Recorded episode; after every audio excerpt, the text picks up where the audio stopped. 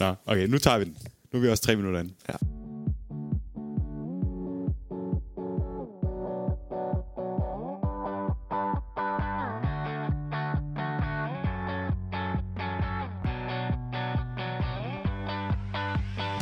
Ville Villa vinder alligevel ikke det hele.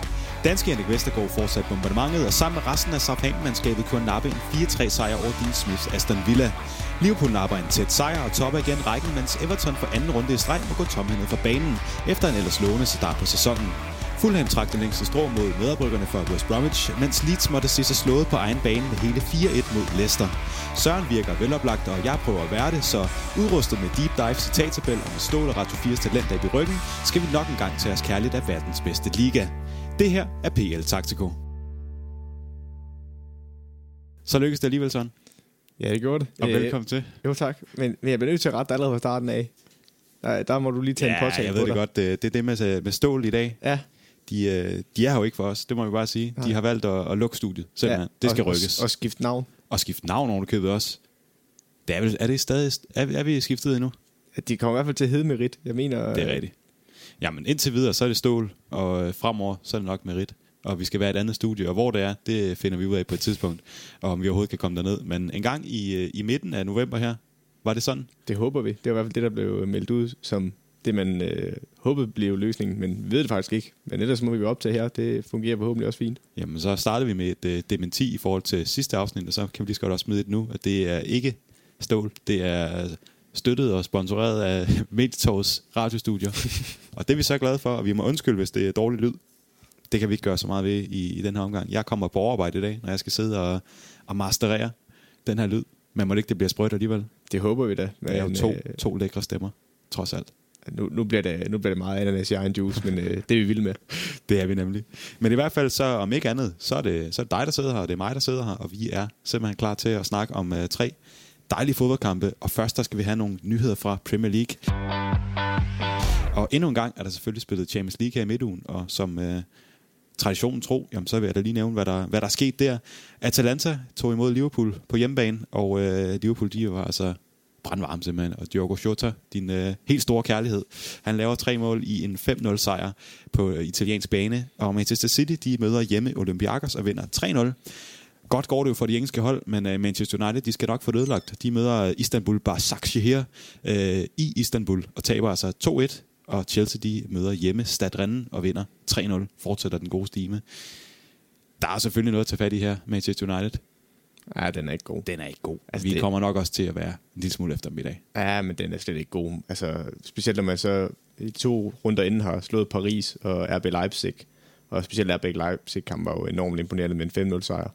At man så går ud og taber til et uh, Istanbul sexy her hold, der er, altså, røg ud til FCK sidste år, så jeg til at huske. Gjorde de ikke det i Europa League? Det er korrekt. Jo, og så altså, man går ud og taber 2-1 på udebane, og kommer også bagud 2-0. Og jeg, så vidt jeg kiggede på statistikkerne, så havde de havde de to skud på mål United. Det, det er godt nok jammer lidt. Det, det må man bare sige. Det er det den grad. Men øh, flot af de andre hold, og øh, Liverpool 5-0. De har jo kørt de her sådan lidt øh, smalle sejre i Premier League. Øh, det gør det også i den her runde, hvor de vinder 2-1 over West Ham. 5-0 mod Atalanta. Det er jo flot. Vi ved, at Atalanta de har en eller anden øh, idé om, at de skal ud og score nogle flere mål, end, end modstanderen gør, og så øh, må de lukke, lukke ind, som de jo gør. Så øh, fem mål, dem har de nok lukket ind før, men, men at holde dem på 0, det er øh, en særlig øh, god ting at gøre, særligt når man har en, en, en ja, ung, fandt jeg så ud af, han var ikke helt ung alligevel, øh, Williams nede i midterforsvaret, 24 år gammel, men når man har en uprøvet midterforsvar i hvert fald, kan det falde, nu sidder du og rykker, Nej, jeg tror, det er Nathan Phillips, du tænker på, der er 24 år, der spillede i weekenden. Rhys Williams mener jeg er 19 så vil jeg tage stor afstand fra mig selv. og, Men ja, altså, vi kan snakke om... Altså, på det første skal vi jo lige kigge på Atalanta i den her kamp.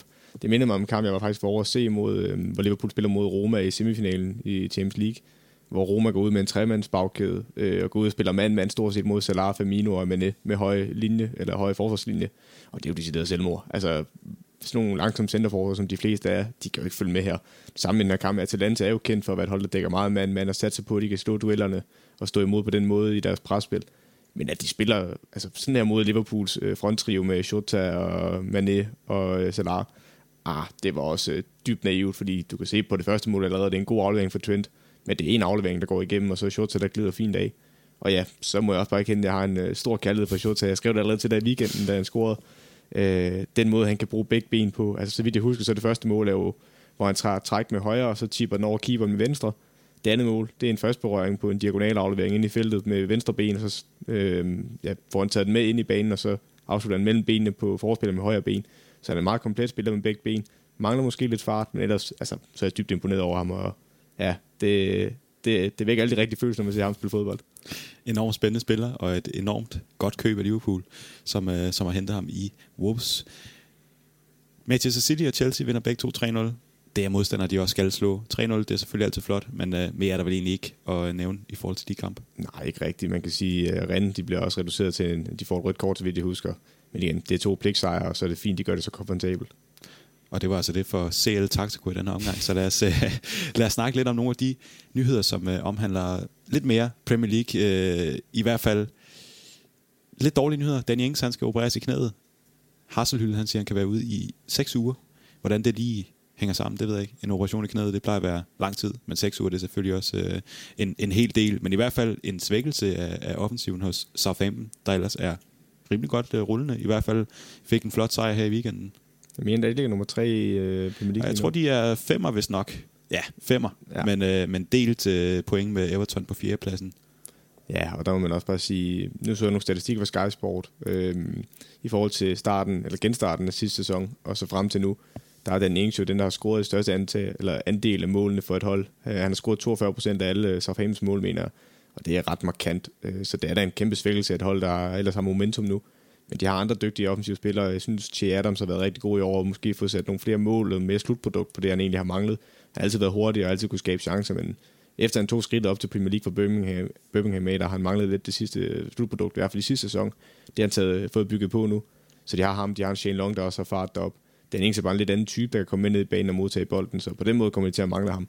Øhm, men ja, jeg håber derfor så fanden, at de kan holde momentum, fordi det er dybt imponerende, det de har lavet. Og så er det en brandvarm midterhårsvar. Jannik Vestergaard? Ja, det, vi har også været lidt efter Jannik Vestergaard, det skal vi da også ærligt kende. Men det er mest, når han bliver fanget med bagrum. Altså, der har han store problemer, fordi han ikke har farten til at kunne reparere det. Øhm, men han har altid været farlig på hovedspillet. Han er en tårnhøj og dygtigt hovedstød. Øh, også et flot mål, han laver i den her kamp, også i runden før. Så altså, der får vi det bedste at se for Jannik Vestergaard, når han kan være der, og ikke, øh, når han får lov til at forsvare med en, øh, med en lav forsvarslinje og en øh, lav preslinje for Southampton, så ser det meget bedre ud. Og endnu en lidt ærgerlig nyhed, det er, at Kai Havertz, han er simpelthen blevet smittet med covid-19. Den her tyske spiller, der er råd til øh, Chelsea, og som har startet sæsonen lidt svingende, men øh, Timo Werner, som selv er kommet efter det, han siger jo, at øh, han er virkelig en dygtig spiller, og han kan sagtens få øh, stor succes i Chelsea. Det er jo så udskudt lidt på grund af, af den her ærgerlige virus, som øh, haver det meste af, af verden lige for tiden. Ja, og altså, Havertz har der haft øh, lidt startproblemer i Premier League. Altså, der var en af kampene, jeg kan ikke huske, hvilken kamp det var, men der, øh, det er ur, den kamp, der blev udgjort mod Southampton, så vidt jeg husker, hvor han taber bolden midt på en banehalvdel. Så der er lidt nogle, nogle ungdomsfejl ind imellem, hvor man tænker, der skal du ikke smide bolden, eller der skal du nok ikke prøve at drible. Men han har nogle ubestridte topkvaliteter, dygtig teknisk. Jeg synes også, han er en klog spiller længere frem på banen, forstår de rum, han skal spille bolden ind i, og de rum, han selv skal løbe ind i. Øh, og var blandt andet med til den kamp mod Southampton, hvor han kom ud i siderne som 10 og skabe lokale overtal øh, og kan også spille helt fremme som en falsk nier, hvor der går ned i banen. Ja, han er en rigtig spændende spiller, og jeg tror også, at han nok skal få succes i Chelsea, men det tager lidt tid. Og så kommer det nok til at tage lidt ekstra tid nu, hvor han er ude med det her med coronavirus, og vi ved jo ikke, hvilken grad det påvirker ham. Om han er, ja, om han er en rask smittebærer, eller om han reelt er hårdt ramt af det her. Fordi i så fald, så kan det jo komme til at tage tid for ham at komme tilbage. Ja, og så kan det tage længere tid for ham at falde ind på det her Chelsea-hold, men jeg er ikke i tvivl om, at man nok skal gøre det på et tidspunkt. Øh, det er bare et spørgsmål om, hvor lang tid.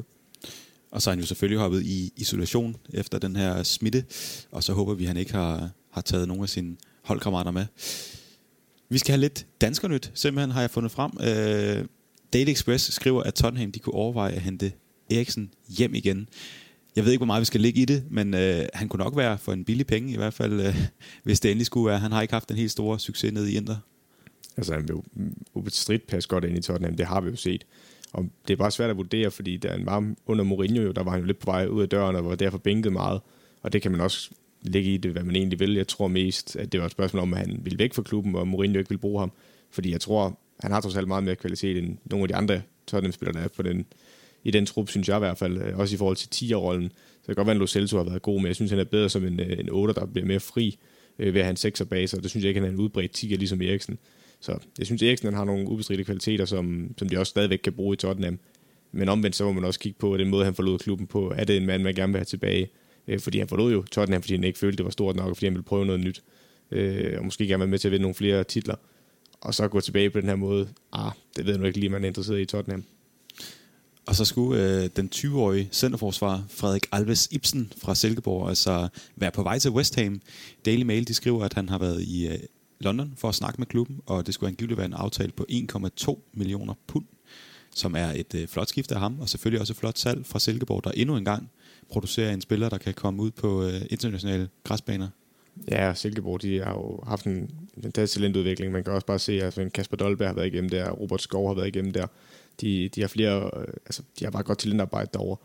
Øhm, jeg kender ikke så meget til Frederik Ibsen, det skal jeg ikke kende. Men altså, West Ham har jo scoutet ham, og jeg ved, der var også øh, rygter om andre Premier League-klubber her i sommer. Der var snak om Leeds i hvert fald også. Ja, så øh, ja, man har jo udbestridt noget talent, og så kan man jo så sige, at West Ham en rigtig klub, de er jo også kendt for, for unge talenter igennem, og men jeg synes, det er noget tid siden. Nu ved jeg godt, de har haft Declan Rice igennem. Men ellers synes jeg, det vil være noget tid siden, og det er en meget tumultarisk klub. Altså, der har været meget kaos omkring det. Nu er der forhåbentlig kommet lidt ro på med David Moyes, og de har også fået et par gode resultater, og giver også Liverpool en hård kamp i weekenden. Øhm, så på den måde, så, altså, han er jo ikke en spiller, der bliver købt ind til førsteholdet. Det er jo en spiller, man vil udvikle på, og øh, han har jo før set en, øh, en Winston Reed tage det skridt fra Superligaen af, så det er lidt, det er spændende, og forhåbentlig så kan han slå sit navn fast i løbet af en længere periode. Og det er selvfølgelig en, vi håber kan få samme succes, som Jannik Vestergaard har for tiden. Nu har vi været meget efter ham. Vi må også rose ham. Ja, det skal vi. Det skal vi. Når han så bliver sat i de her situationer, hvor han lykkes, så, øh, så bliver vi også nødt til at rose ham. Det er klart. Men øh, lad os hoppe videre fra, fra nyhederne. Ugens udvalgte. Vi starter selvfølgelig øh, på Old Trafford, hvor Manchester United har taget imod Arsenal, og det blev altså til en 1-0 sejr. Den første sejr på øh, Old Trafford for Arsenal i 14 år. Ja, det er, det er imponerende i hvert fald. Også en vanvittig statistik. Det var jeg ikke lige opmærksom på. Nej, og så var der noget med, at det var første udsejr over uh, top 6, the big 6, i, uh, i mange år også. Så på en måde en uh, forløsning. Og, uh, og helt sikkert, når man uh, kigger på, på den udvikling, Arsenal ligger i, og, og på den ja, den kampform, de har været i på det seneste, så er det noget, som, som kan lune, at man får den her sejr, som et er historisk, i hvert fald i, øh, på den måde, at det gør op med nogle lidt ærgerlige statistikker, og så at det, øh, at det selvfølgelig altid er noget, der, der luner godt, når man slår sine konkurrenter, selvom uh, Manchester United de ligger lidt længere nede i tabellen, end man egentlig havde håbet på uh, at se dem. Men i hvert fald en, uh, en sejr, som Arsenal de napper på 1-0, en uh, arbejdssejr, en uh, sejr, som måske kunne man forvente lidt, at uh, den her kamp, der, der svæver lidt frem og tilbage, der har man så ofte set, at, at, at, United, at, hvad hedder det, at Arsenal de så er det hold, der ender med at, at tage det korteste strå. Men et uh, United-hold, som vi har snakket om, heller ikke er i sin, sin bedste periode, og det er måske også lidt symptomatisk, at de så ender med at tabe den her på et straffespark i, uh, ja, hvad er det, i 79. minut, kan det passe? 69. minut. 69. minut, ja. Så, uh, så, så egentlig meget tilfredsstillende for, for Arsenal. Endnu en kamp, hvor United, de måske kan være sådan lidt, ah, skulle vi have gjort mere? Ja, det minder jo meget om den kamp, United har mod Chelsea, i den forstand, at der er ikke rigtig de store chancer i den her kamp. Altså jo, der er nogle enkelte ind imellem, men det er ikke fordi, der er de store gennemspillede angreb, eller det er en fritflydende kamp. Det er en meget taktisk kamp, øhm, hvor Gunnar Solskjaer har lagt en taktik fra start af, og bliver nødt til at skifte undervejs også. Det skal jeg nok komme ind på i min deep dive, øhm, for det er den her kamp, jeg vil kigge på.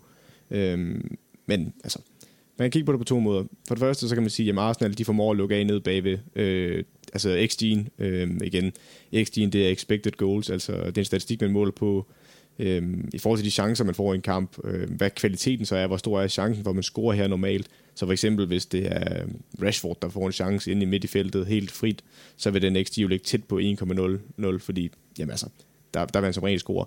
Og så noget andet, hvis der er en, der sparker fra midten af, jamen, den ligger jo så nok ned på 0,1 eller noget i den dur. Øhm, så det er den måde, man måler XG'en på. Og XG'en, den her kamp fra understat.com, øh, jamen den er 0,39 til United og 1,0 til Arsenal. Så det er ikke, fordi nogen af skaber de store chancer. Så på den måde, der lykkes Arsenal med deres gameplan, når de kommer på en udkamp, står lavt, øh, tager imod meget presset, har selvfølgelig også bolden i store perioder, men altså, det er ikke fordi, de skaber det store, det gør United heller ikke, fordi de bare er, begge hold er bange for, at modstanderen skaber chancer på dem. Så det er en meget taktisk affære. Øh, så på den måde lykkes Arsenal. Jeg kunne så godt tænke mig, at de bygger noget mere på deres offensive spil, men igen, de er i en udvikling med Arteta. Han har ikke været der i så forfærdelig lang tid, han har ikke engang været der et år endnu. Så man skal lige så stille og roligt give ham tid til at implementere sin spillestil, og så må man finde sig i til at starte med, jamen vi er ikke, et udvikling, altså, vi er ikke i vores udvikling, at vi skal være mesterskabsfavorit eller noget i den dur. Vi skal tilbage i top 4, og så er det, når vi spiller mod et andet øh, hold, der har ambitioner top 4, og vi er på udebane, jamen, så prøver vi at lukke dem ned, og så prøver vi at skabe noget på kontra, eller øh, hvor vi stadigvæk har et restforsvar, der fungerer. Vil du løfte sløret for at tease, hvad din deep dive går ud på? Bare så jeg ikke sidder og spørger alt Nej, nej, jamen, det kan jeg godt. Det er, fordi Manchester United, de starter jo lidt øh, uden information. De kan spille meget. De starter ud i en 4-4-2 diamant. Øhm, og der vil jeg bare kigge lidt på, hvad er det, de lykkes med til at starte med. For der er lige en periode, hvor de lykkes lige til at starte med mod Arsenal. Øhm, og så formår Arsenal egentlig, uden at skifte øh, formation eller spillestil, at tilpasse sig, og så kvæler det lige så stille og roligt der med Uniteds øh, offensive spil og opbygningsspil. Så ja, øh, det er det, vi vil kigge på. Fedt. Jamen, det glæder jeg mig til. Jamen, øh, så lad mig tage fat lidt over i den, i den anden side. Øh, også på, på midtbanen. Nu snakker om den her diamant. Arsenal, eller, ja, Arsenal de spiller jo en øh, 3-4-3, som vi, som vi kender dem efterhånden, som de har gjort meget med, med wingbacks, og så tre ned, ned bag i, hvor Tierney han også kommer til at, at fungere meget som, som den offensive drivkraft ude på venstresiden, når de er i det offensive spil. Men øh, sidst, der snakkede jeg om det her med, at man havde Thomas Partey på midten, samtidig med, at man havde Granit Xhaka. I den her kamp, der er det øh, Thomas Partey og så Mohamed El Neni, en spiller, som, øh, ja, som Arsenal-fan, der ved man jo aldrig rigtigt, hvad man skal forvente af ham. Men en spiller, som har fået utrolig meget ros efter den her kamp, både Thomas Partey, men også Mohamed El Neni, for, for den arbejdsindsats, som han ligger, og på den måde, som han hele tiden ligger og, og, og jagter Manchester United-spillerne, mens at Thomas Partey han mere er den afventende, øh, ja, sekser, ankermand, kan man vel kalde ham. Hvordan virker det her øh, partnerskab på midtbanen? Jeg synes, det fungerer rigtig godt. Og jeg var også efter Xhaka i sidste kamp og sagde, at han dækker ikke nok areal, og jeg synes ikke, han var hurtig nok i sin boldbesiddelse. Han brugte for mange berøringer for lang tid på bolden. Øhm, og kunne også blive udstillet på sin manglende fart, når han faldt ned ved siden af de to øh, centerforsvarer, eller på ydersiden, øh, og ville have bolden. Men altså, Elnini synes jeg, jeg synes, det er fejlfortolket lidt med, at Thomas Partey er den defensive af de to, for jeg synes faktisk, det er Thomas Partey, der som regel er den offensive af de to, øh, og lidt, lidt noget andet end det, man så i Atletico Madrid. Men han er, det er meget ham, der kommer til at lægge de afleveringer fremad i banen, hvor Elneny er mere ham, der øh, følger markeringer. Det ser man flere gange, hvor der er en United-spiller øh, ind, så er det tieren i Fernandes, eller så er det Greenwood eller Rashford, inden de to angriber, der går ned i banen for at have bolden.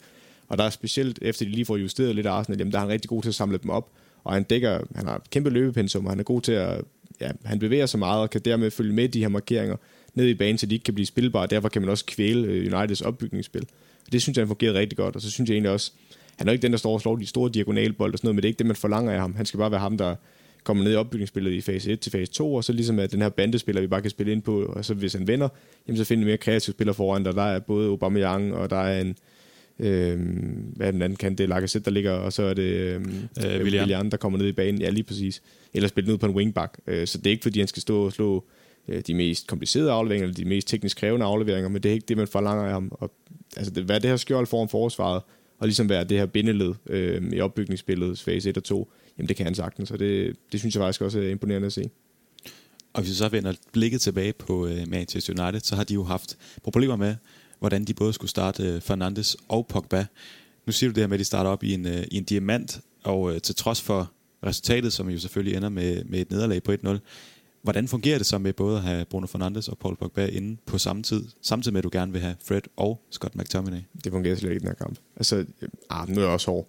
Det fungerer lidt til at starte med, hvor vi snakker om de løb, de lykkes med, men det er mest for de offensive spillere. Altså, den her diamant kommer ikke til at fungere af to grunde, øh, primært. Ah, tre, hvis vi skal være helt skarpe. Den ene er Arsenal, de får lukket det centrale rum af. Og de to andre, jamen det er egentlig der, hvor det lykkes til at starte med, hvor jeg egentlig synes, de får spillet så fint ud af af Arsenals pres til at starte med. Jamen der synes jeg bare ikke, at 8'erne, det vil sige McTominay og Pogba, altså når der bliver spillet frem på en af de forreste, enten på Fernandes som 10'eren, eller Rashford eller, eller, Rashford eller Greenwood, jamen altså, der synes jeg bare ikke, når de så kommer ned og ligger af på en af de to 8'ere, der synes jeg ikke, de er gode nok til at udnytte den plads, de får til at drive bolden fremad, og så synes jeg, den sidste grund til, at det ikke fungerer, jamen det er, at deres backs ikke kommer nok med. Jeg synes ikke, Juan Bissaka eller Luke Shaw, de udnytter den plads, de får ude på ydersiden. Øh, og tit og ofte, der kommer de i duel med Arsenals wingbacks, og igen, der har de bare ikke den offensive kvalitet til at komme forbi dem øh, mand-mand. Så det er egentlig primært de grunde til, at den uh, diamant ikke lykkes, og også grund til, at de skifter system til en 4-2-3-1 senere. Og nu var vi jo meget efter øh, Arsenal sidst, der, der meget spillet på, på det samme. Det var, at den skulle have en øh, uh, diagonalaflevering ud til Tierney, og så skulle den ind i feltet. Vi ser jo et, uh, et Arsenal-mandskab, der prøver at få den lidt mere ned igennem midten, og også gerne bruger Willian uh, og hans evne til at udfordre ude på kanten. Hvad er det, det simpelthen giver lidt, uh, lidt ekstra ud over, at man har lidt mere at spille på selvfølgelig, men, øh, men at man ikke bare skal, skal ud på Tierney og så ind i boksen, hvor at, ja, vi ved, at Harry Maguire han kan stå og, og hætte det hele væk. Men det er faktisk ikke, jeg er ikke helt sikker på, at jeg ser det på samme måde. I hvert fald ikke i, i anden halvleg kan vi blive enige om, at de får mere plads på midten, men det er også, øh, ja, altså, de får mere plads ind på midten, fordi United skifter formation og skifter over til en 4-2-3-1, og det giver bare mere plads derinde, fordi der er deciderede kanter, der går ud, hvor vi har en Pogba, der lige pludselig ryger ud på kanten, øh, og en Greenwood på den anden. Altså det giver bare en anden dynamik, og giver mere plads at spille op igennem kæden. Fordi i starten af kampen, der synes jeg egentlig, at der, hvor Arsenal får plads, det er jo nemlig stadigvæk på ydersiden på wingbacksene. Og det er primært faktisk, når de så der vil jeg så godt komme der i møde og sige, når de så vender ind på midten, i stedet for at de slår den lange diagonal, jamen, så er det bedre, når de vender ind på midten, og så vender ud. Fordi det United egentlig gør i deres forsvarsspil i denne kamp, det er, at de beder Pogba og McTominay, de to brede otter i den her diamant, til at dække wingback. Og det kan jeg lige så godt sige med det samme. Der bliver godt nok langt ud, når den så bliver spillet ind på midten, og den så bliver vendt ud på kanten igen til Bellerin eller til, øh, til Saka. Og det, det synes jeg faktisk, United, eller Arsenal lykkes fint med, og det er også derfor endnu en grund til, at United skifter formation. Arsenal får for meget plads på ydersiden, og så kan de nemlig spille ud på Bellerin, og så spiller videre op på Willian. Inden de får sideforskudt, jamen, så bliver der bare plads derude, de kan spille på. Og nu har du været lidt efter det her med, at de ikke uh, United formår at sætte så meget flydende spil sammen og så mange uh, chancer, sat dem op. Der er også det her tremandsforsvar nede hos, uh, hos Arsenal med, med ja, Gianni, når de uh, selvfølgelig dækker op. Gabriel Machales, som vi lærte i, i sidste uge, og så uh, Rob Holding. Gabriel Machales vil jeg lige tage fat i. Uh, er det måske det bedste køb, der har været i Premier League i, her i sommeren? Uh, nu siger du mig på spidsen, synes jeg. Øh, der vil jeg jo så som Liverpool-fan mellem Diogo Jota ind. Ja, det er klart. Øh, og der er garanteret andre, der vil byde ind. Øh, men altså, jeg synes, han har været rigtig god dernede. Altså, det hjælper ham også meget, at han er et tremandsforsvar. Øh, men jeg synes, han er, ja, som vi kiggede på i første afsnit mod Fulham, synes han er dygtig i opbygningsspillet. Jeg øh, synes ikke, han begår så mange fejl dernede. Jeg synes, han er dygtig til at være bare den her metronome, der ligger og kører den hurtigt rundt dernede. Jeg synes også, han er dygtig i duellerne. Altså, jeg synes, han er forholdsvis hurtig. Han er også øh, ret stærk og kan vinde hovedstødsdueller. Øh, altså, man kan så sige, han er vigtig dernede. Jeg synes, Rob Holding har nogle klare mangler, specielt i fart, øh, Øh, hvor Morales han skal rydde meget op ved siden af. Man kan også sige, at de får tidligt en advarsel begge to i den her kamp, og det var jeg i hvert fald lidt bekymret for, specielt som den måde, de skulle lukke de offensive spillere fra United, der ned i banen, og de hele tiden skulle sørge for, at de var fejlvendt. Der kommer de til at lave nogle frispark, fordi de skal ryge op i ryggen på dem. Øhm, men de formår at køre det hjem bagefter. Jeg vil så også argumentere for i den her kamp, Gabriel Morales burde nok have fået sin anden advarsel. Øh, jeg kan ikke huske, om der runder ham ud på kanten på et tidspunkt på baglinjen, øh, hvor han har en advarsel i forvejen, hvor han river ham ned. Jamen, jeg har fortrængt den. Jeg har fortrængt det. Øh, jeg mener faktisk, det er Greenwood. Det er der også, der lige ruller ham ned ved baglinjen og kommer ind af i banen, hvor han så begår frisparket. Hvor jeg synes, det er et klart gult kort, og som United-fan vil jeg nok lidt irriteret. Men hvis vi ser bort for det, så synes jeg, han har en god kamp. Han spiller vel også uh, Rob Holding lidt bedre når han, øh, når han er med roen derinde, og det er ham, der ligesom kan, som du siger, metronomen, der kan styre det lidt. Ja, så også fordi det giver Rob Holding muligheden for, altså når du spiller med en trebakkæde, så er det, som vi tit snakker om, to markeringsspillere, ligger på hver side, og så en, der kan tage dybden. Øh, og også hvis bolden er i modsat side, jamen, så kan de to centerforsvar, altså hvis det er i højre side, så kan den brede centerforsvar i højre, den centrale centerforsvar, de kan gå med over i duellerne, og samtidig så har du en, der kan skubbe ind i banen fra modsat side, der stadigvæk kan være med til at tage bagrummet. Øh, og det, altså det frigør bare meget centerforsvar til at kunne skubbe op og tør gå i duellen, eller tur gå i duellen. Øh, og det klæder også en Rob Holding. Og så øh, det her straffespark, som ender med at blive kampafgørende. Er det klodset af Pogba, eller er det klogt af Hector Bellerin? Det er bare klodset dumt. Af. Altså normalt så bare sige, det Ja, jeg skulle lige til at sige, jeg havde forventet det ah, politikersvar der. Ah, nej, den får du ikke politikersvar for. Det er klodset og dumt af Pogba. Altså han, jeg kan huske, han var ude at sige, at efter kampen, han skal blive bedre til at dække op og sådan noget.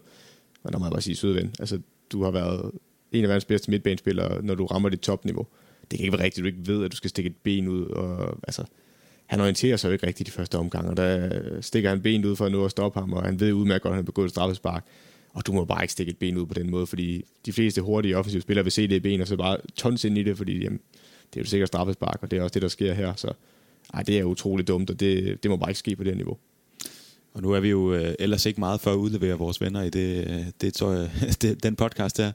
Men øh, Mark Tolstrup, vores øh, studiekammerat og øh, podcaster på oldtrafford.dk, han skrev tidligere i dag, at det var ikke, at det var måske, måske første gang, han havde håbet på, at, øh, at United ville tabe, men på lørdag, der, der kunne det godt være, at han håbede på det, så, øh, så de kunne få Ole Gunnar Solskjaer ud. Er det, øh, er det ved at være tid for, for Ole, eller, eller kan han blive ved med at ligge i det her limbo, hvor han jamen, altså får gode sejre mod øh, PSG, gode sejre mod øh, RB Leipzig, og så simpelthen taber til Istanbul, og ja, ender også med at smide sådan en kamp her, der, der, der er på vippen, og øh, i det hele taget har haft utrolig svingende resultater. Men der tror jeg også, det der har reddet Ole Gunnar Solskjaer noget tid, jo, det er jo netop, at han har fået de resultater i Champions League. Så var det faktisk også i sidste sæson, hvor de også gået og vinder mod Paris, øh, hvor han også var på vippen igen, nu får han det ikke der mod Istanbul, og jeg synes også, når man kigger på det som ledelse i United, nu ved jeg godt, den med Ed Woodward, der har været rigtig mange grunde til, at han har været udskilt, Øhm, og man må ikke bare fyre træner bare på grund af enkelte dårlige resultater. Det jeg mere vil være bekymret for, hvis jeg sidder og kigger på det her, det er den måde, de spiller på Manchester United. Jeg har hele tiden, ja, for et år siden, der sagde jeg, at de ikke skulle beholde Ole Gunnar Solskjaer. Altså dengang de ansatte ham, fordi han var den der interim manager.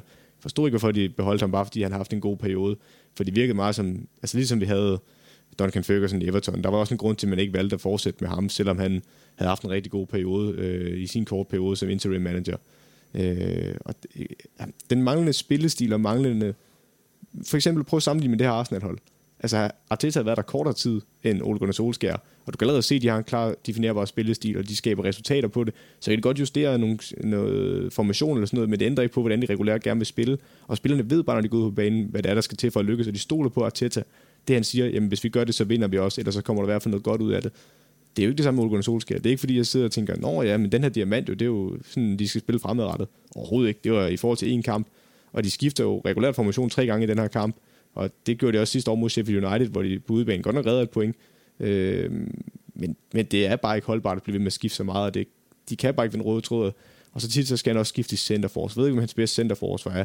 Øh, jamen, hvem skal spille på midten? Altså, der er bare så mange spørgsmål ved det United-hold, og han har alligevel været der noget tid. Så jeg kan godt være enig om, at deres rekruttering af spillere ikke er god nok. De har ikke købt de rigtige spillere.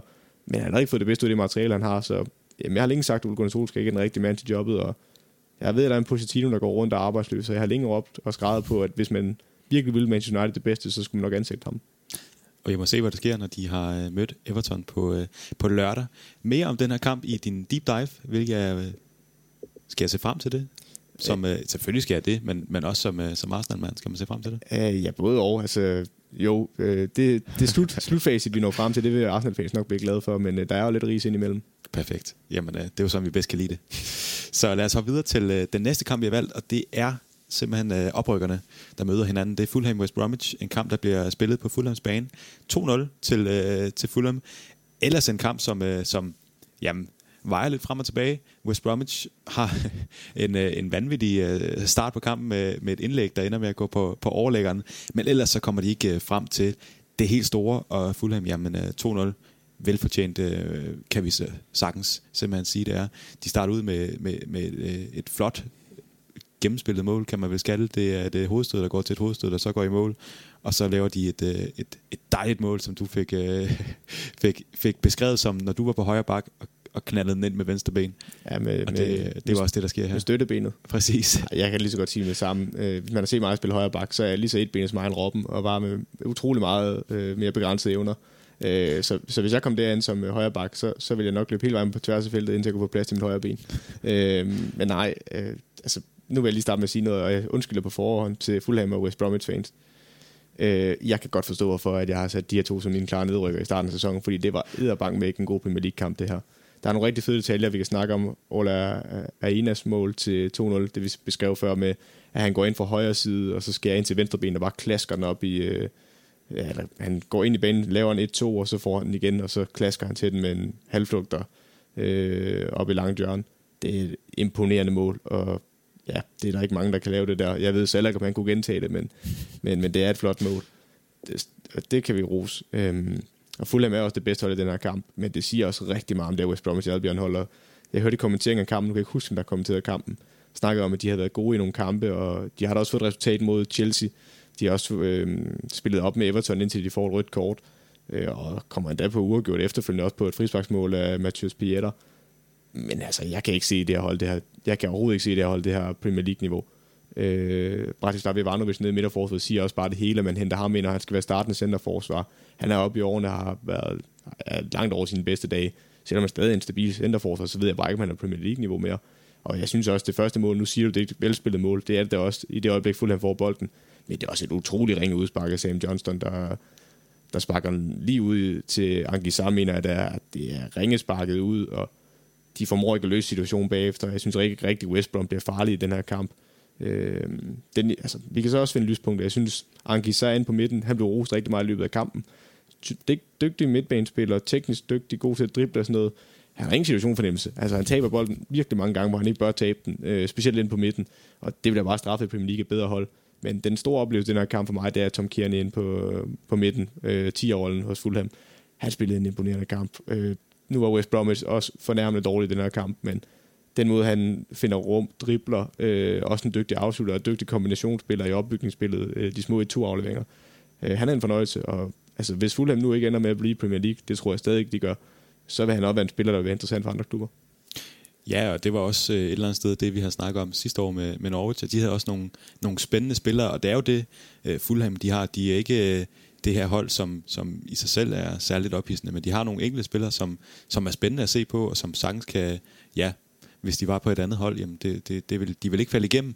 Men kigger man på det her på mandskab som du siger, de har Ivanovic øh, godt op i årene nede i midterforsvaret, og det er jo ikke fordi, man ligefrem kan udpege de her øh, profiler på, øh, på det hold her. Og de har altså også deres øh, første sejr til gode. De har godt nok tre uger gjort øh, den ene særlig flot mod, mod Chelsea. Der har vi også været inde på, at det er måske Chelsea, der, der lige så meget smider den, som det er West Bromwich, der vinder den. Men når man laver tre mål, så skal man selvfølgelig have, have ros. Men det er et hold, som, som stadig jagter deres, deres første sejr, og som et eller andet sted, jamen, har de overhovedet klassen til at skulle være i den her Premier League? Nej, det, det kan sige så kort, det synes jeg faktisk ikke. Og altså nu, øh, jeg forstår heller ikke, hvad det er, de prøver rent taktisk den her kamp. Jeg kan godt se, hvad det er, de prøver, men jeg synes ikke, det giver mening. Den, de, de prøver som traditionelt at rykke kanter ind, øh, og gøre dem til mellemrumspillere, som der er rigtig populært i moderne fodbold, og så sende nogle baks afsted. Og det er også helt fint, de gør det, men jeg kan bare ikke se deres baks kvalitet nok i den her kamp til at udnytte det. Townsend får slået en masse indlæg ind, men der er ikke nogen derinde. Jeg synes, ham der, deres angriber, øh, Grant, han, han bliver aldrig rigtig farlig og er ekstremt isoleret op det meste af tiden deres højre wingback, eller deres højre bak, øh, Furlow, jamen han, jeg ser ham stort set ikke hele kampen få bolden derude. Og så kan jeg også kritisere deres midtbane. Altså, øh, Kristinovic ligger derinde, så har de øh, Jake Livermore, der også ligger derinde. Og lige Jake Livermore vil jeg gerne lige holde fast i, fordi hvordan han bliver brugt i den her kamp er totalt uforståeligt. Altså en mand, der både har spillet i Tottenham og spillet et hav af kamp for West Brom, øh, og har også spillet en del Premier League-kamp også øh, for Hull City. I, jamen, jeg vil kigge ham som udpræget 6, og måske kan du bruge ham som 8. I den her kamp bruger de ham som 8, hvor han nogle gange skubber helt op ved siden af øh, Grant, når bolden er i modsat side, og det kan man godt gøre en 4-3-3, men er det ham, du vil have det? Altså, det forstår jeg bare ikke, fordi hans offensive kvalitet er der ikke. At det svare lidt til, hvis jeg var landstræner for det danske landshold i nullerne, og så gjorde det med Christian Poulsen? Jeg forstår ikke, hvad meningen var. Er det, er, er det ham, vi vil sætte i de situationer? Det virker som noget, at øh, den gode øh, Slaven Bilic, han har set og tænkt, det er moderne fodbold, og det er sådan, at de bedste hold gør det. Jamen, det passer ikke til det materiale, du har. Og Jake Livermore, jamen jeg tæller ikke, han har en berøring inden for de første 25 minutter. Og det er altså utrolig lang tid ind i en fodboldkamp for en central midtbanespiller ikke at røre bolden, specielt når det skulle være en kamp mod et andet hold i bunden af rækken, man gerne skulle slå. Øh, så nej, der mangler bare så meget kvalitet på det West Brom hold. Øh, og så, når træneren så ikke, for vi kan også kigge på Sheffield United hold sidste år, vi kan også kigge på nogle af de andre hold, Leeds, nu ved jeg godt, Leeds har en bedre trup nu end West Brom, men jeg synes, der er mere et koncept, klart koncept end Marcelo Bielsa. Og Sheffield United sidste år, jamen, de havde en masse spillere, der også spillede League One, og var med hele vejen dernede fra, da de rykkede op til først Championship, og så Premier League. Øh, men der havde de et taktisk koncept, og en træner, der havde forstået noget taktisk og spillestilsmæssigt, der gav dem en fordel på andre områder. Det synes jeg ikke, Slaven Billis øh, præsterer, og så jamen, når man ikke har nogen, der kan opveje taktisk for nogle af de her ting, og man ikke har kvalitet individuelt, og man ikke formår at løfte som hold, jamen så bliver det bare udstillet, også mod et hold som Fulham. Og var det egentlig en kamp om, øh, i stedet for at være en kamp om, hvem af de to her oprykker, der var bedst, var det så en kamp om, hvem der egentlig var dårligst? Fordi inden kampen havde Fulham jo også sin første sejr til gode, og lå jo egentlig også på øh, ja, en delt sidste plads med, med, med et enkelt point fra, fra en uafgjort kamp. Altså jeg synes, der er meget mere bund i Fulham-holdet, men jeg tror bare, at kløften ned til West Brom, føler jeg er så stor, igen, det skal så lige passe, de laver en eller anden mirakuløs redning og redder sig i Premier League. Vi kan jo alle sammen blive... Øh, blive gjort til skamme. Lige præcis. Men sådan som jeg kigger på lige nu, der har de kvaliteten. Fulham, jamen de er da bedre end West Brom. Det var de også i den her kamp ret tydeligt. Øh, men jeg synes stadigvæk heller ikke, de har kvaliteter. Altså, de har nogle enkelte spillere, som jeg synes har været med til at løfte dem. Altså, jeg synes, når vi ser Areola, han har jo stået i, han har været både i Real Madrid og i PSG, øh, så han har jo kvaliteten til at spille på det her niveau også. Øh, men de spillere, der falder mig mest i øjnene, når jeg ser den kamp, det er for eksempel venstrebakken Anthony Robinson. Jeg mener, der havde været i Wigan, amerikansk venstreback, øh, der også kan kaste lange indkast. Jeg synes, han er rigtig dygtig offensiv at komme med, og han side derover med Adam Ola Lukman, øh, der også været i RB Leipzig, øh, er også en spændende spiller. De, øh, de to over den side, en dribbelstærk kan, der kan gå ind i banen, og så en øh, venstreback, der kan åbne. Det giver meget mere mening for mig at spille på den måde, øh, som West Brom gjorde, når man har de to spillere. Nu er det bare Fulham, der har dem, der er lidt ærgerligt for West Brom. Øh, og så er der en Kearney, så snakker vi om øh, deres midtbane Angisa, øh, der skal lære at smide bolden noget hurtigt, eller i hvert fald slippe sig af med den noget hurtigt, drible, øh, eller være med at drible de steder der, fordi det bliver straffet mod bedre hold, der er bedre erobringsspillere og presspillet. Øh, Øhm, men der er nogle spillere, og så er der også en Mitrovic op foran, der er en, en af de bedste afspilstationer overhovedet. Han minder mig meget om en øh, Salomon Rondon, da han var i Newcastle. Han er dygtig til at være sådan en afspilstation, er fysisk stærk, kan lægge bolden af, kan holde på den. Og så er det også ham, der laver assisten øh, til begge mål, faktisk. Øh, men specielt den, hvor han ligger på tværs med hovedstød, er jo bare åbenlyst. Og det er også utrolig klogt af ham, fordi han, han søger over i bagerste område, hvor han ved, det er Townsend venstrebakken. Han ved godt, centerforserne US Westbrom, de er noget større. Hvis jeg lægger mig om bagved på bakken, der som regel er lavere, jamen så vinder jeg også de hovedstøtter 9 ud af 10 gange, kan den på tværs. Så det er også godt at se, at ham og klogt af ham. Og så er der også en Joachim Andersen, vi må rose. Øh, synes også, han gør det godt i den her kamp igen. At han Grant er totalt isoleret op og ja, øh, Dianjana, jeg har set indimellem, som er ekstremt dygtig, og også øh, vist i glimt, at han er en dygtig ung spiller. Man kan bare ikke løfte og han gør det heller ikke i den her kamp, så der kommer bare ikke noget, heller ikke fra Pieter på den anden kant. Og Grant, der ligger alene deroppe, jamen, så bliver det ikke så meget Joachim Andersen i centerforholdet bliver testet. Men jeg synes, han er dygtig på bolden, øh, og det bliver også spændende at se ham i Premier League.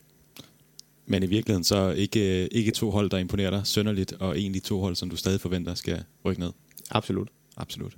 Jamen så lad os ikke øh, dvæle mere ved den kamp, og så lad os hoppe videre til vores sidste kamp, og også rundens sidste kamp. Det er selvfølgelig Leeds mod Leicester.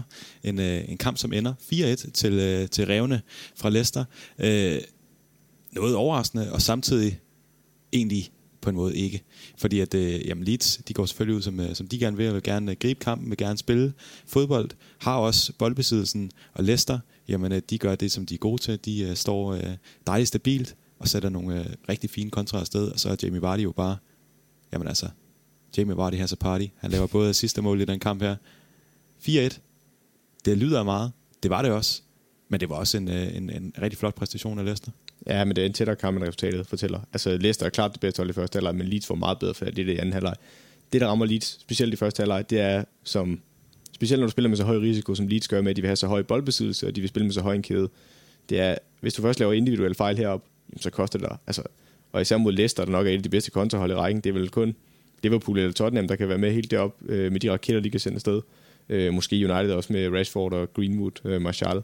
Øh, men ja, altså Leeds de spiller med stor risiko, og det er også det, der koster dem det første mål, jo, hvor det er en lang bold fra Christian Fuchs, fordi Michael, det egentlig kommer efter at Leeds har haft en kæmpe chance til Patrick Bamford, hvor det spiller så fint igennem, hvor han får en hovedstødchance midt for mål, hvor han ikke rammer den rigtigt. Han får ikke ordentlig kraft på hovedstødet, og er nok lidt overrasket over, fri han egentlig er, og hætter lige på Michael. Michael sætter den korte gang ud til venstre side til Fuchs, der bare smækker den op mod frimærket i øh, Leicesters venstre side, øh, op mod øh, Leicesters bane, eller op mod Leeds banehalvdel. Og altså, der opstår bare en situation, hvor øh, hvor de ikke bliver enige om, hvem der skal hætte til den her bold, så Kok, han prøver, Ruben Kok, han prøver at skære den hjem, og spille den hjem på, øh, på Melier. Øhm, han prikker den bare, den blev alt for kort. Der var også noget med banen, der måske var lidt vandet og glat, og bolden måske hang lidt fast i banen. Men det er utroligt dårligt, og så er det Vardy, der læser den, og så øh, får han driblet rundt om Melier, og får spillet den på tværs til Barnes, og så sparker den ind. Øh, og det bliver bare straffet, og jeg synes egentlig, Leicester, det var det, vi har snakket om inden kampen. Leicester, hvordan vil de gribe den her kamp an? Vil de gå ud, som Brendan Rodgers har ry for, at være boldbesiddende og dominerende i deres opbygningsspil. Nej, de gik ud mod, ligesom mod Arsenal, deres 5-4-1, lukker de her rum ned mellem midtbanen og, øh, og forsvarskæden, som Leeds gerne vil udnytte. Og det var det, der kvæler Arsenal sidst, og det kvæler også Leeds, specielt i første halvleg. Ja, sådan der får du også øh, nævnt øh, Melier her. Han har også lidt en, en uheldig hold ved, ved mål nummer to, hvor han, ja, han er jo en, en lang keeper, der er god til at, at stå i vejen for, for det meste, men får altså lavet en lidt uh, uheldig anden bold, som øh, uh, Juri Tillemann så bare kan, kan banke ind. Men, uh, men et elithold, som, som selvfølgelig holder fast i, i det, som de skal, det, som de gerne vil, det, som øh, Bielsa han kender. Og så et Leicester-hold, som, er, som, som et eller andet sted er klogere. Og som du siger, jamen, Brendan Rodgers han kan også godt lide at spille fodbold, men han kan også godt lide at være, være pragmatisk, han kan også godt lide at, at vinde fodboldkampe, og det er jo det, han gør så, så flot her. Og, og hvad er egentlig, hvis vi skal kigge sådan på det, kunne, uh, øh, kunne Bielsa have, have grebet det her anderledes an? Ja, for det gør han i anden halvleg. Altså han laver nogle ændringer rent taktisk, den måde de spiller på, de løbemønstre, de laver. Øhm, jeg vil godt lige få til 2-0-målet, inden vi får rundt det hele dag. Det kan godt være enige om, at uh, Malier måske kunne have gjort mere ved den, men det er også Ruben Kok, der fuldstændig bliver sat af. Jimmy Vardy kommer fra den blinde vinkel og kommer foran ham på indlægget, og det må slet ikke ske. Jeg ved godt, at han glider, men han bliver også overrasket over, at Vardy kommer i den acceleration, og der skal han jo bare skære ham af og komme på den rigtige side af ham. Øh, så det må ikke ske. Øh, men ja, hvis vi så kigger på, hvad han kunne lave anderledes. Jamen, det er jo det, han gør i anden halvleg, øh, Bielsa. For det første rykker han Helder Costa fra højre over mod venstre. Det er ikke så meget det, fordi han skifter Poveda ind i stedet for Jamie Shackleton, for at få en ekstra kantspiller ind, og så rykker han Jack Harrison tættere op på øh, Patrick Bamford, så han ligger som en halv tiger. Godt nok med lidt udgangspunkt stadigvæk i venstre side, men jeg synes, han ligger så tættere op mod Bamford. Det, der så sker der, og det synes jeg faktisk var ret fascinerende, det er ikke fordi, det er så meget anderledes for, hvad andre hold gør, sådan rent spillestilsmæssigt, men den rotation, der sker mellem spillerne, er meget interessant. Så det vil sige, når bolden bliver lagt fra venstre, det skal lige sige, at Leeds, de spiller jo med øh, to mand på midten, eller to centerforsvar og normale backs, øh, spiller de med, ja, de ligger jo med to centrale midtbanespillere, men egentlig så er det bare klik, der falder ned, og så ligger den sidste midtbanespiller altså op til de tre forreste, øh, eller også, øh, ja, da de så skifter over i den anden del, hvor de så har en 10'er, så ligger han til mellem 10'eren og 6'eren, øh, og går nogle gange helt op øh, til angriberne, som han også gjorde før. Men forskellen er, når den så bliver vendt fra venstre mod højre, og den kommer over på en højre centerstopper, eller skal til at komme derover. Så i stedet for Luke Ayling, når man normalt vil se, det man normalt vil se, det er, at kanten går ind i banen, i det her halvrum mellem modstanderens, øh, ja, det er så normalt vil være centerforsvar eller bak. Her der er det så den brede centerforsvar, wingback, øh, og centrale forsvar. I det rum foran der, der vil det normalt bevæge sig ind. Øh, og i den her situation, der er det bare Luke Ayling, der løber direkte op i stedet for, øh, i stedet for at åbne bredt i banen. Så han løber op i det rum, kantspilleren normalt vil løbe ind i. Så løber 8'eren ned, det vil sige den centrale midtbane i den side for Leeds, han rykker ned i banen der, hvor, øh, ja, hvor bakken normalt vil stå, og så rykker kantspilleren i samme moment, så begynder han at løbe han løber på tværs af forsvarskæden for at tro, ind så kan han tro med at løbe dybt, hvis bolden bliver smækket hen over toppen. Øh, det gør han ikke i de her situationer. Jeg har set de fleste af, fordi Leeds, eller Leicester står så langt tilbage i banen med deres bagkæde, en lav forsvarslinje. I stedet for så går han på tværs af forsvar, og så kommer han ned i banen igen, øh, og løber ned for at modtage den derfra 8'eren af, og så kan Luke Ayling søge ud på kanten igen. Og den rotation mellem de tre spillere sker hele tiden. Så hvis det ikke lige lykkes i første moment, at man spiller den igennem, okay, jamen så løber 8'eren bare op, hvor kanten er, så løber, øh, eller 8'eren løber op, hvor bakken er, bakken søger ind, kanten søger måske ned.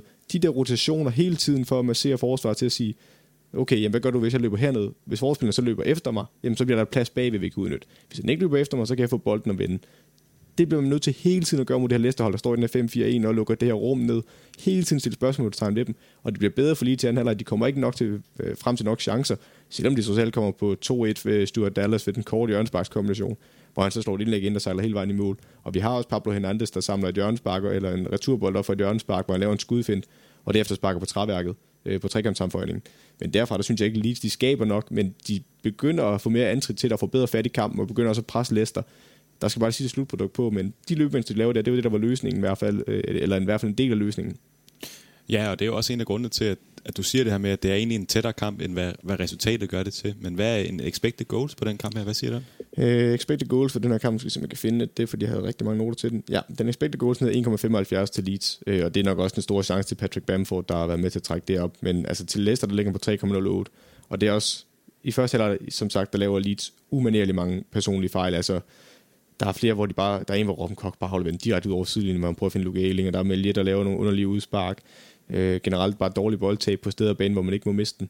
Og det, det skaber Leicester mange chancer på, og så skal vi også huske, jamen Leicester, scorer de her to mål, øh, hvor den ene, specielt den første, er en total åben chance, det er Thielemann jo også, så de ligger højt på expected goals. Det samme vil de også gøre, den de får øh, i anden halvleg, hvor der også er Sigis Ynder, der bliver sendt afsted i kontraangreb og ligger på tværs til Vardy, og så får de et straffespark også. Så det vil trække op i expected goals, men de skaber masser af chancer Leicester, men det er fordi, de får plads til angreb på, de har fart at angribe på, og samtidig har de Madison, der kommer ind, der er god til at lægge de afleveringer i dybden. Det er Thielemann også. De har en Sigis Ynder, der er i begge, både i Arsenal-kampen, hvor han kommer ind og ligger en assist, og også i den her kamp øh, ligger til Vardy. Han har et rigtig godt blik for Vardy, og forstår de her stikninger i dybden, og også selv har noget fart, øh, og det gør rigtig ondt på Leeds, øh, fordi de er ikke gode nok mand mand nede bagved, og slet ikke fart, de er hundeangst for Vardy. Og så har vi jo været inde på med det her Leeds-mandskab, at jamen, de er dygtige, og de har en god spillestil, og Bielsa han er en utrolig dygtig træner, som der også er utrolig meget respekt for i, i ligaen, og også i resten af verden selvfølgelig. Og at de har en klart defineret spillestil. De ved, hvordan de skal gå ud og gribe kampen an. De kommer til at, at lave mange mål. De kommer også til at lukke mange mål ind. Øh, vi så det allerede i den allerførste kamp mod Liverpool, hvor de taber 4-3 i en kamp, der, der også er, er rigtig tæt. Det er vel egentlig ikke sidste gang, at vi kommer til at se Leeds lave sådan et resultat her, hvor de øh, simpelthen, jamen, på en måde taber kampen, og, øh, og, og at de så bliver, bliver over, overmandet af et, af et hold, som griber dem taktisk klogt an, og at øh, Leeds bare ikke rammer dagen. Ja, som man også sige, at Leeds de havde jo også problemer med championship. Altså, det var jo ikke første forsøg med Bielsa, de rykkede op, fordi når de møder hold, der står lavt i banen, og der formår at stå i et blokforsvar, som Leicester har gjort det, så har de til tider svært ved at åbne op. Og det er også til dels at gøre med, at de ikke har... Altså, nu har de spillet lige op med Liverpool, de spillet lige op med City. Øh, og, og det har de gjort, selvom de ikke har samme øh, individuel kvalitet, fordi de har så klar en spillestil.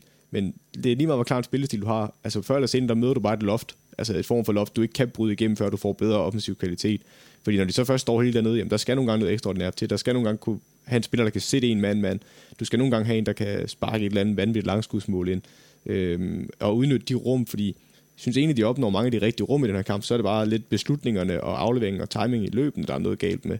Øh, og og det er svært at pakke ind. Altså, det kan du ikke pakke ind mod de bedre hold. Det er også derfor, vi snakkede om inden den her runde, jamen de vil nok, Leicester vil kunne gøre rigtig mange problemer på dem med de kontraangreb og den defensiv, de kan stå i. Det samme er det også, de taber til Wolverhampton, der også har samme opskrift. Og jeg kan godt være lidt bekymret, ikke bekymret, det er det forkerte ord, fordi jeg synes stadig, at Leeds er et, et godt fodboldhold, og vil slå rigtig mange hold i den her række. Men et hold som Tottenham for eksempel, kan også komme til at gøre rigtig ondt på dem, fordi Mourinho vil heller ikke have noget mod at give Leeds bolden, og så være pragmatisk og sige, jamen, i angriber os bare, så har vi Kane, der falder ned i banen og stikker Son og Lukas Moura øh, afsted i dybden, og så må jeg ellers have held og lykke med det. Ja, og de har jo haft nogle, øh, nogle imponerende resultater. De slår øh, Sheffield United, som også er et øh, meget stabilt defensivt hold, har selvfølgelig haft utrolig store problemer i starten af, af den her sæson, særligt øh, sammenlignet med deres rigtig flotte sæson sidste år. De får en, øh, en 1-1'er mod Manchester City, meget imponerende, hvor de også er ude og, og gerne vil gribe kampen. De øh, taber meget smalt til Wolves, øh, hvor de også gerne vil, vil gribe den her kamp. En 1-0 med en sen scoring. Så vinder de hele 3-0 over Aston Villa, og så taber de altså 4-1 til, til Leicester nu. 10 point efter syv kampe. Synes du stadig, det lyder helt vildt imponerende for det her Leeds? Ja, især efter det kampprogram. Altså, de har haft øh, utrolig mange svære modstandere, de har mødt. Altså, hvis vi lige tager dem fra en ende af.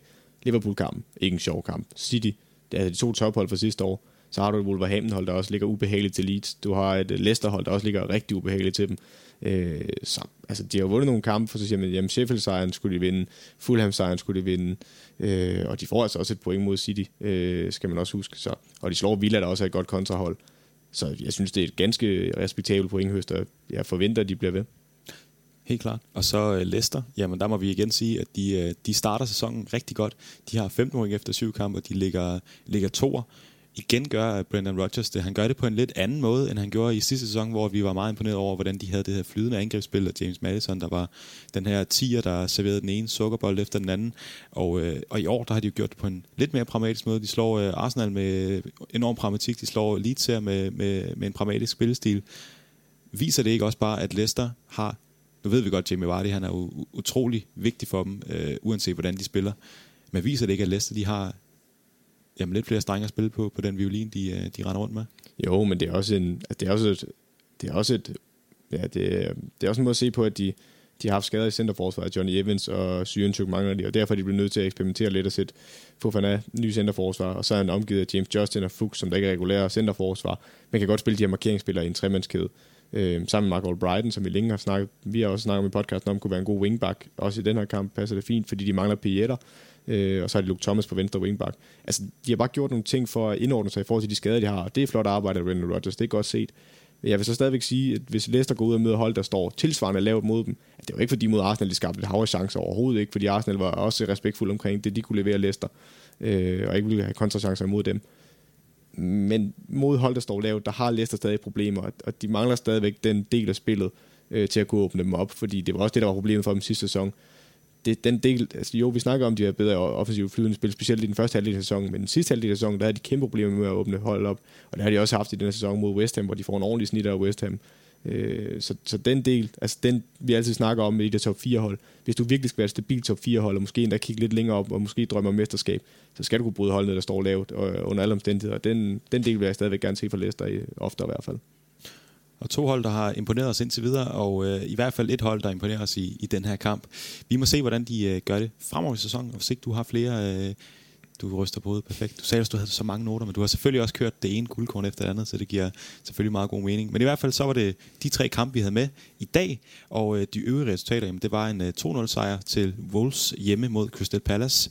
Sheffield United tog imod Manchester City, som øh, forlod deres bane med en 1-0. Burnley øh, tog imod Chelsea, og de vandt øh, 3-0 Chelsea. Det har de for vane at gøre, åbenbart. Liverpool øh, mødte hjemme West Ham en smal 2-1-sejr, som nævnt tidligere, med Diego Jota som øh, målscorer. Din helt store kærlighed. Aston Villa mødte hjemme Southampton, og Southampton, som nævnt, jamen, de øh, tog derfra med en øh, 4-3-sejr. Newcastle, de havde besøg af Everton og vandt øh, selv 2-1. Tottenham, de øh, havde besøg af Brighton, og de vandt selvfølgelig også 2-1. Øh, så alt i alt en runde, der bød på... Øh, lidt flere mål end sidst. En, øh, en, en, en, spændende runde. En runde, som ikke gør os sønderligt meget klogere i og med, at de bliver ved med alle sammen at slå hinanden. Men det er så dejligt, fordi at så har vi masser at snakke om uge efter uge, og øh, nu skal du have en masse at snakke om, fordi det er tid til ugens deep dive. Og værsgo. Jo, tak, morgen. Øh, og som altid, ugens deep dive, øh, der sidder altid og tegner nogle, øh, ja, analyserer og tegner øh, nogle taktiske ting, jeg har set, og nogle løbemønstre og positioneringer, jeg gerne vil se på. Øh, Øh, hvis man ser de, eller hvis man vil se de tegninger, så kan man se dem på vores Instagram-konto og vores Facebook-konto. Øh, vi hedder PL Taktiko begge steder. Øh, og hvis man ikke har mulighed for det, kan jeg sagtens fortælle det og beskrive det ellers. Det plejer ikke at være et problem.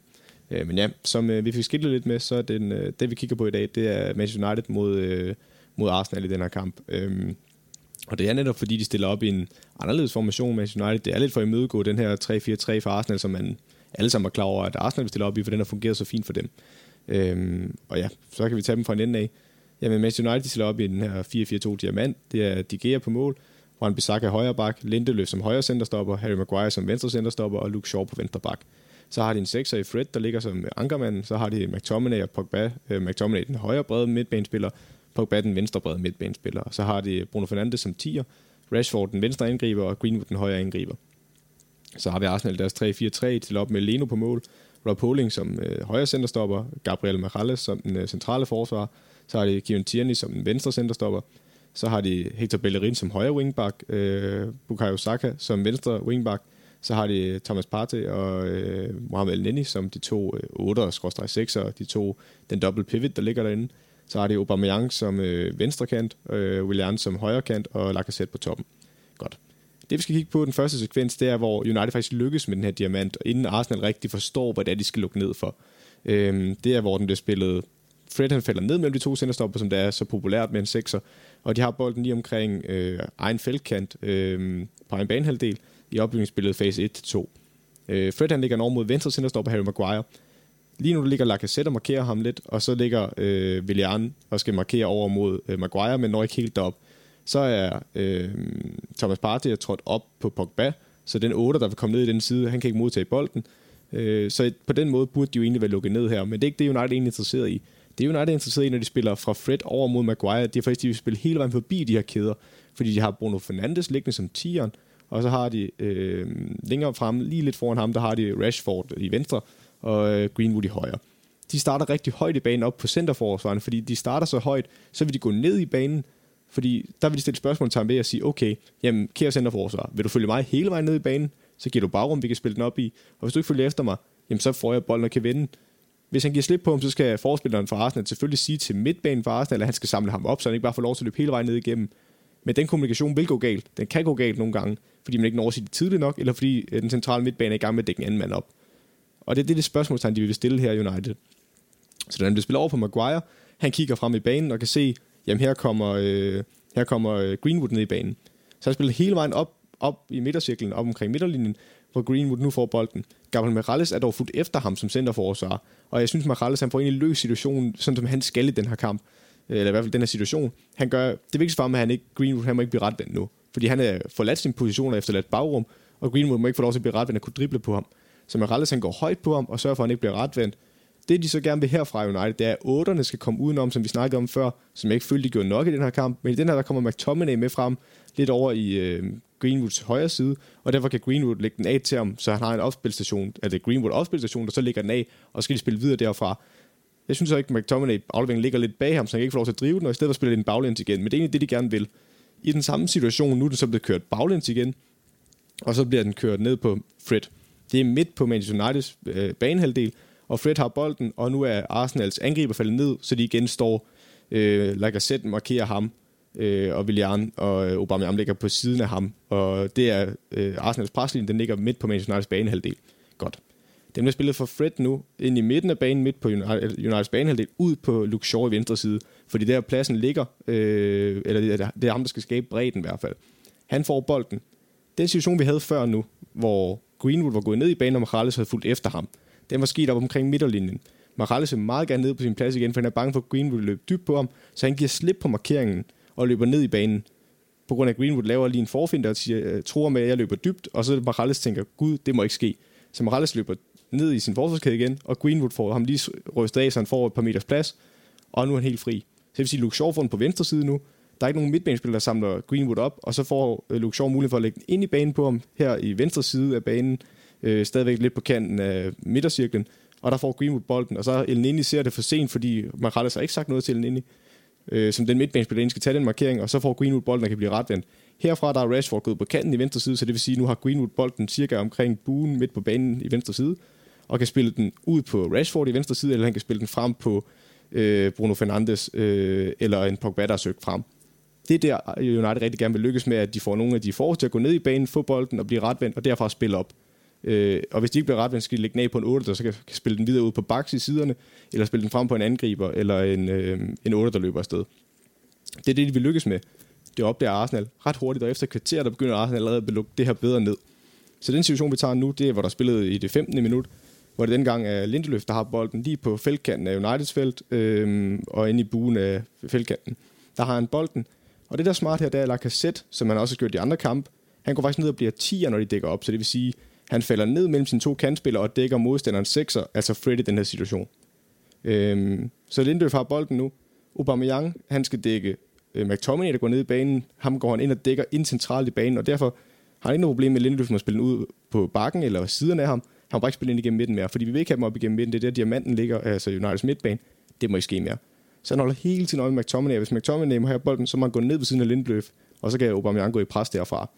Så han hænger lidt her og holder øje i venstre side, eller Arsenals venstre side af midten, og siger, Lindeløf, du får ikke lov at spille op igennem her.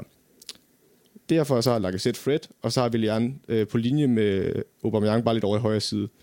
Der får de fint lukket af. Det, der så sker nu, det er, at øh, Lindeløf prøver at drive bolden fremad, fordi han er desperat. Han kan ikke spille anden sidelands. Han driver fremad, men der lukker øh, Willian og Aubameyang skubber, ind, og skubber ind mod ham, så han ikke bare kan få lov til at drible fremad. Og i stedet bliver han nødt til at spille baglæns. Han kan også spille den på bakken ud på Luke Shaw, men der har Arsenal justeret, så det vil sige, nu det Bellerin, der dækker bak. Han kan bare løbe hele vejen op, og som vi snakkede om i vores øh, snak om kampen, jamen, så kan han skubbe hele vejen op og dække, øh, så de bliver frigjort. Og ned bagved, fordi at fordi Lacazette han går ned og lukker sekseren, så frigør det også de to andre midtbanespillere for Arsenal til at sige, jamen vi samler op alt det, der kommer hernede fra. Altså alt det, der kommer op fra, det tager vi imod. Så det vil sige, at øh, i højre side, der har, højre siden af midten, der har Thomas Partey dækket Pogba, altså den brede otter i United side. Og så Fernandes, der vil vandre ned i banen, som Greenwood gjorde før, jamen ham er alene i taget. Så nu er der ikke nogen, der kan få lov til at vandre ned i banen, og hvis angriberne vandrer ned, jamen så har de en situation nu centerforsvaret øh, hos Arsenal, hvor de har tre mænd til at dække to. Så der er to centerforsvar, der kan følge efter dem, og så har de stadigvæk en, der kan ligge fri. Øhm, så derfor er Lindeløf, han drivet frem her, får ikke mulighed for at spille den fremad, og i stedet for, så må han vende rundt og spille baglæns ind på De Gea. Så kan de skubbe presset op. Fernandes prøver at komme ned i banen og modtage bolden, da De Gea modtager bolden, men det er for sent, fordi at Willian han far bare efter øh, Linde, eller efter Maguire her, der har fået bolden og spiller en baglæns, og så presser han hele vejen ned til De Gea, der prøver at slå en befrier op. Den lange bold, der så kommer, jamen det er en hovedstødsduel, hvor, øh, hvor Greenwood han skal slå Gabriel Morales, og der kan vi altså sige, at Thomas Partey står lidt i vejen her, men Morales vinder hovedstødsduellen, og så er det en afmonteret situation. Så på den måde, der får øh, Arsenal, hvis jeg skal sige det kort, jamen de øh, komprimerer det centrale rum, og fordi at angriberne og kantspillerne går ned i banen og er med til at lukke den første del af midtbanen hos United, så frigør det også de to andre midtbanespillere til at tage imod løbende fra de tre forreste fra United. Øh, og det frigør så centerforsvaret til at være mere fri til at tage markeringer, så der hele tiden er en, der ligger fri. Og på den måde kvæler de egentlig kampen for United, og de bliver nødt til at skifte til en 4-2-3-1 i, i anden halvleg, og ja, det giver så Arsenal mere plads til at angribe på. Så på den måde, der er det ikke Arsenal, der ændrer formation, øh, men selvom de ikke ændrer formation, så ændrer det i forhold til det, United gerne vil gøre.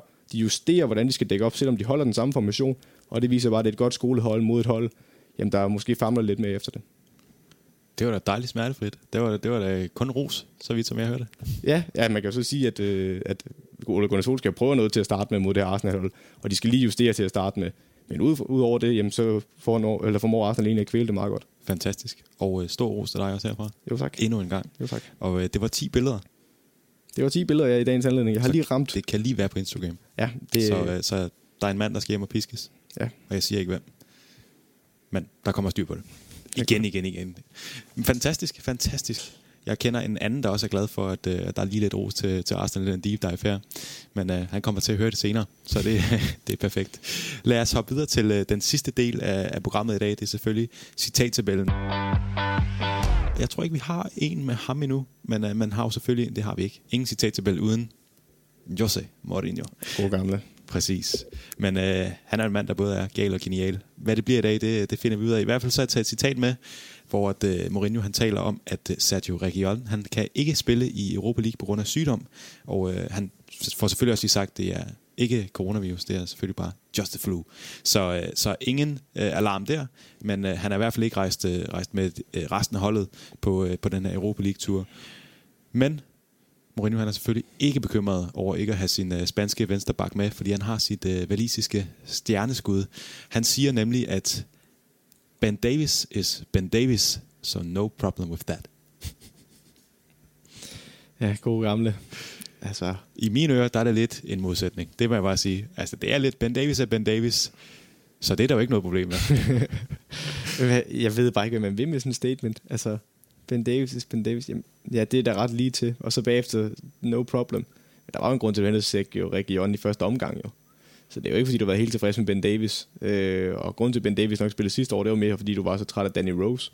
Så ah, jeg tror ikke, han er helt tilfreds. Og nu vil jeg så også lige kaste et uh, citat mod dig fra Mourinho, der kom fra sidste uge af, øh, hvor han siger, efter at de taber til Antwerpen, ah, men I siger altid, at jeg skal bruge den ene eller den anden spiller, men det her det er jo derfor, jeg ikke bruger dem.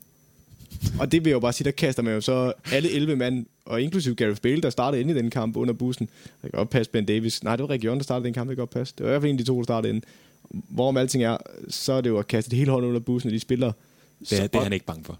Det må jeg bare Nej. sige. Det er han altså ikke. Ja, og lige hvad kender en gang, og lige, ja. det er ikke mig. Men, men det, der fører mig over til i det her citat, jo, det er jo netop så, at han kan kaste alle under bussen og sige, at øh, de er forfærdelige. Og når så næste uge kommer, Ben Davis is Ben Davis. Og, og så lyder det bare utrolig hul fra min side af, når man så har stået og slagtet et helt hold øh, ugen inden. Så ej, det er ikke et godt citat. Det, det, ja, det er i hvert fald det er mere galt, end det er genialt. Hvor, hvor langt ned ved du er jo så, så spørgsmålet. Skal du helt ned til, øh, til Gareth Bales øh, Nej. igen? Nej. Nej, det, hvad med, det er Hvad med den, vi havde? Var det i sidste uge, vi ovenikøbet havde den med så lang tid, som øh, spilleren, du takler, er ude? Altså lang tid, du skal være ude selv? Åh, oh, den, er, den er skarp. Jeg synes faktisk, den er mere tosset. I, i forhold til i lyset det, han siger ugen inden, om de spiller der og slagter et helt hold, ah, der vil jeg sige, det er lidt mere tosset. Det er klart. Og Ben Davis is Ben Davis. Det, det, det er der jo problemer med, desværre. Ja. Jamen, det er jo godt, du fandt noget med Mourinho. Det er længe siden, vi har haft ham med. Ja, vi har savnet ham lidt. Ja. Det har vi altså. Men han er på, øh, på tabellen igen. Han er også i den ende, hvor han muligvis hører til. lad, os, lad os sige det, som det er. Men øh, vi har ikke mere på, øh, på tapetet i dag, og øh, derfor så skal vi bare takke medietåret nu. Øh, vi skal ja. takke Merit, øh, muligvis Stål, må vi lige se. I hvert fald så tak for, at der er nogen, der gider at udgive det her, og så tak til Talentrap på Radio 4, som også gider udgive det her, og så tak til dig, Søren. Selv tak, morgen. Og tak til dem, der gider at lytte med, og så øh, rigtig god weekend. Altså nu ved jeg ikke, hvordan jeg skal slukke den her, men nu finder vi ud af det.